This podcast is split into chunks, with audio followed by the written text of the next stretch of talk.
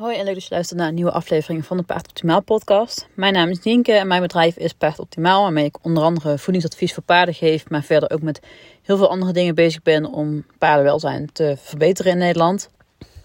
Um, dit zal waarschijnlijk een korte podcast worden, maar uh, ik zag iets op Facebook voorbij komen waarvan ik dacht, hier wil ik toch even een podcast over maken, want hier vind ik iets van. Um, en dat ging namelijk over uh, een paard dat hoefbevangen was. En waarbij de eigenaresse het advies van een dierenarts kreeg om een paard op boksrust te zetten. En dat lees ik dus best wel vaak. Um, en uh, ik, ben sowieso, laten we vooropstellen dat ik sowieso geen voorstander ben van boksrust. Ik kan me voorstellen als het bijvoorbeeld echt om breuken gaat, dat het nodig kan zijn. Um, maar ik hoor echt heel vaak situaties waarin boksrust gegeven wordt dat ik denk, um, wat is hier nou weer de gedachte achter? En um, ik, denk, ik denk dan ook dat het in heel veel situaties niet bevorderlijk is. Uh, om meerdere redenen. En dat hoefvervangenheid er absoluut een, een van die redenen is waarin ik me niet kan voorstellen dat boxers gaat helpen. Dus daar wilde ik toch even een podcast over maken. Ik ben natuurlijk geen dierenarts, maar ik ben wel van mening dat dierenartsen die bij hoefvervangenheid boxrust adviseren, dat dat gewoon echt achterhaald advies is. Ik denk dat boxrust echt een hele extreme tool is die ja, bewaard moet worden voor als het echt niet anders kan. Maar dat het niet te pas en te onpas bij iedere, ieder probleem aan het bewegingsapparaat voorgeschreven moet worden. En mijn voornaamste reden daarvan is dat eh, als je je paard op stal zet, dan staat hij heel veel stil. En als je paard veel stilstaat, dan kan het hoefmechanisme niet goed werken. En het hoefmechanisme is dus uh, nou ja, de, de pompwerking dat een hoef als een paard neerzet, zet hij uit. En als hij hem optilt, krimpt hij weer in. En dan wordt al, zeg maar, als hij neerzet, wordt, loopt, de bloed, loopt de hoef vol met bloed. En als je hem dan voor optilt, wordt het bloed weer omhoog het been ingepompt. Omdat in de, de onderbenen van een paard zitten geen spieren. Dus eh, de onderbenen zijn afhankelijk van het hoefmechanisme om door bloed te blijven. Dus mensen zeggen ook wel eens dat het paard uh, vijf harten heeft. Namelijk één hart en vier benen. En die het hoefmechanisme speelt een hele belangrijke rol in het goed doorbloed houden van het onderbeen en de hoef. En um, het onderbeen en de hoef zijn afhankelijk van die doorbloeding voor voedingsstoffen.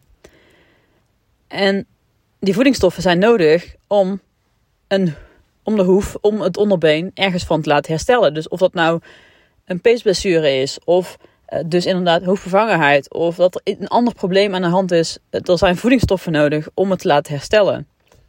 En als je dus vervolgens paard op stal zet, uh, waardoor het hoefmechanisme niet meer kan werken, waardoor dus ook die voedingsstoffen niet meer goed tot de hoef kunnen komen. En datzelfde geldt ook voor ijzers. Als je, er, als je ijzers eronder zet bij hoefvervangenheid of bij een andere aandoening aan het onderbeen, dan kan dus die doorbloeding niet meer goed in die hoef komen.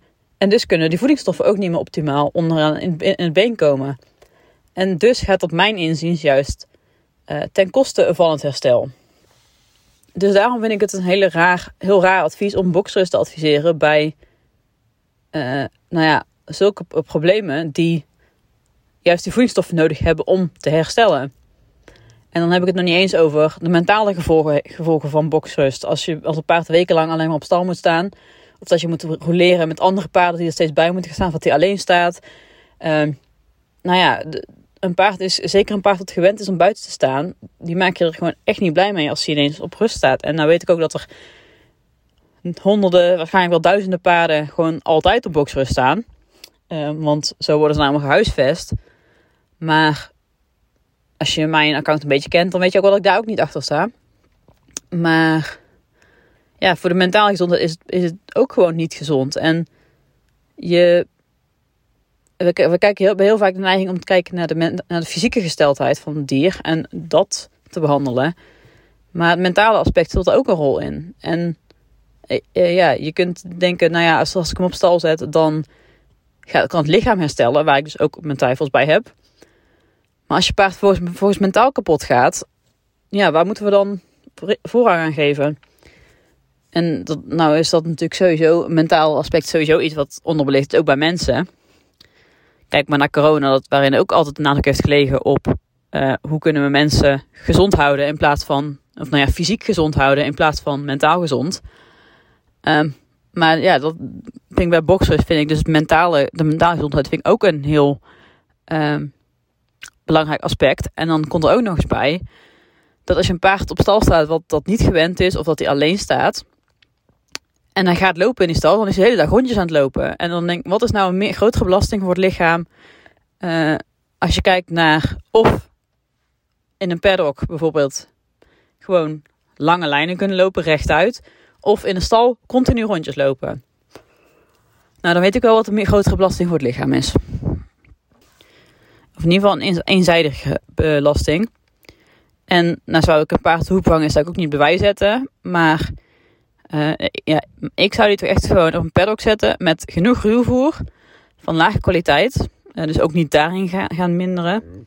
Maar als het zou kunnen dat je paard bevangen is door het ruwvoer, dan moet je daar wel iets aan veranderen. Um, maar ruwvervangenheid kan heel veel verschillende oorzaken hebben. Dus het is niet altijd per se suikers of zo in het ruwvoer. Dus het is ook sowieso heel belangrijk om de oorzaak te achterhalen. Maar ik ga in deze podcast ga ik niet over helemaal hebben over hoe groepvervangenheid in elkaar zit. Ik wilde vooral even. Ik, ik las die reactie op Facebook over boksrust bij hoevervangenheid. En ik lees dat vaker op Facebook. Um, dus ik wou daar vooral even mijn two cents over delen. Hoe ik dat zie. Um, dus nou ja, ik zou eigenaar sowieso aanraden om. Ik wil niet zeggen. Gooi gewoon sowieso advies van je dierenarts weg. Want het staat natuurlijk wel voor geleerd. En um, hoewel ik het vaak in dingen niet met eens ben met dierenartsen, is voor, ja, het, zeker het bewegingsapparaat heb ik ook niet zoveel stand van. En als het dan weer metabolisch gerelateerd is, zoals de bevangenheid, weet ik er al iets meer van. Maar um, ik zou je wel adviseren om niet klakkeloos het advies op te volgen van een dierenarts, ook niet van iemand anders. Um, van welke behandelaar dan ook. Blijf altijd zelf nadenken. En denk dus, bedenk jezelf dus ook van: oké, mijn dierenarts adviseert boksrust. Mijn paard heeft, deze, heeft dit probleem, deze blessure. Hoe gaat, ja, hoe gaat, het boksrust, hoe gaat boksrust deze blessure helpen? Of uh, hoe gaat deze blessure herstellen met boksrust? Als je dan, inderdaad, als je paard heel onrustig op stal staat te doen, omdat hij alleen staat, of hij staat gewoon rustig in de paddock, ja, dan weet ik ook wel wat mijn voorkeur heeft. Of wanneer je paard bijvoorbeeld even aan de hand mag gaan stappen en dan helemaal uit zijn plaat gaat, is ook nog gevaarlijk voor jouzelf. Um, dus ja, geef je paard niet zomaar boksen. Denk daar echt kritisch over na. En ik moet zeggen dat degene van wie dit bericht was, die plaatste daarom ook dat bericht, omdat zij er, het er eigenlijk ook niet mee eens was. Maar de dierenarts had het erover dat de zool ontzien moest worden en daar mocht juist geen bloed in komen. En zoiets was het. En de hoefsmid had ook de, de hoefwand langer gelaten, want dan was de zool ontzien. Terwijl de hoefwand ook helemaal niet gemaakt is om het hele gewicht van het paard te dragen. Maar dat is weer een ander verhaal. Um, dus ja, dat. Uh, ik zag dat en ik dacht, hier moet ik even een podcast over maken. Dus even een uh, snelle, spontane podcast. En dan uh, was dit het weer voor vandaag wat ik over kwijt wilde. Dus tot de volgende keer.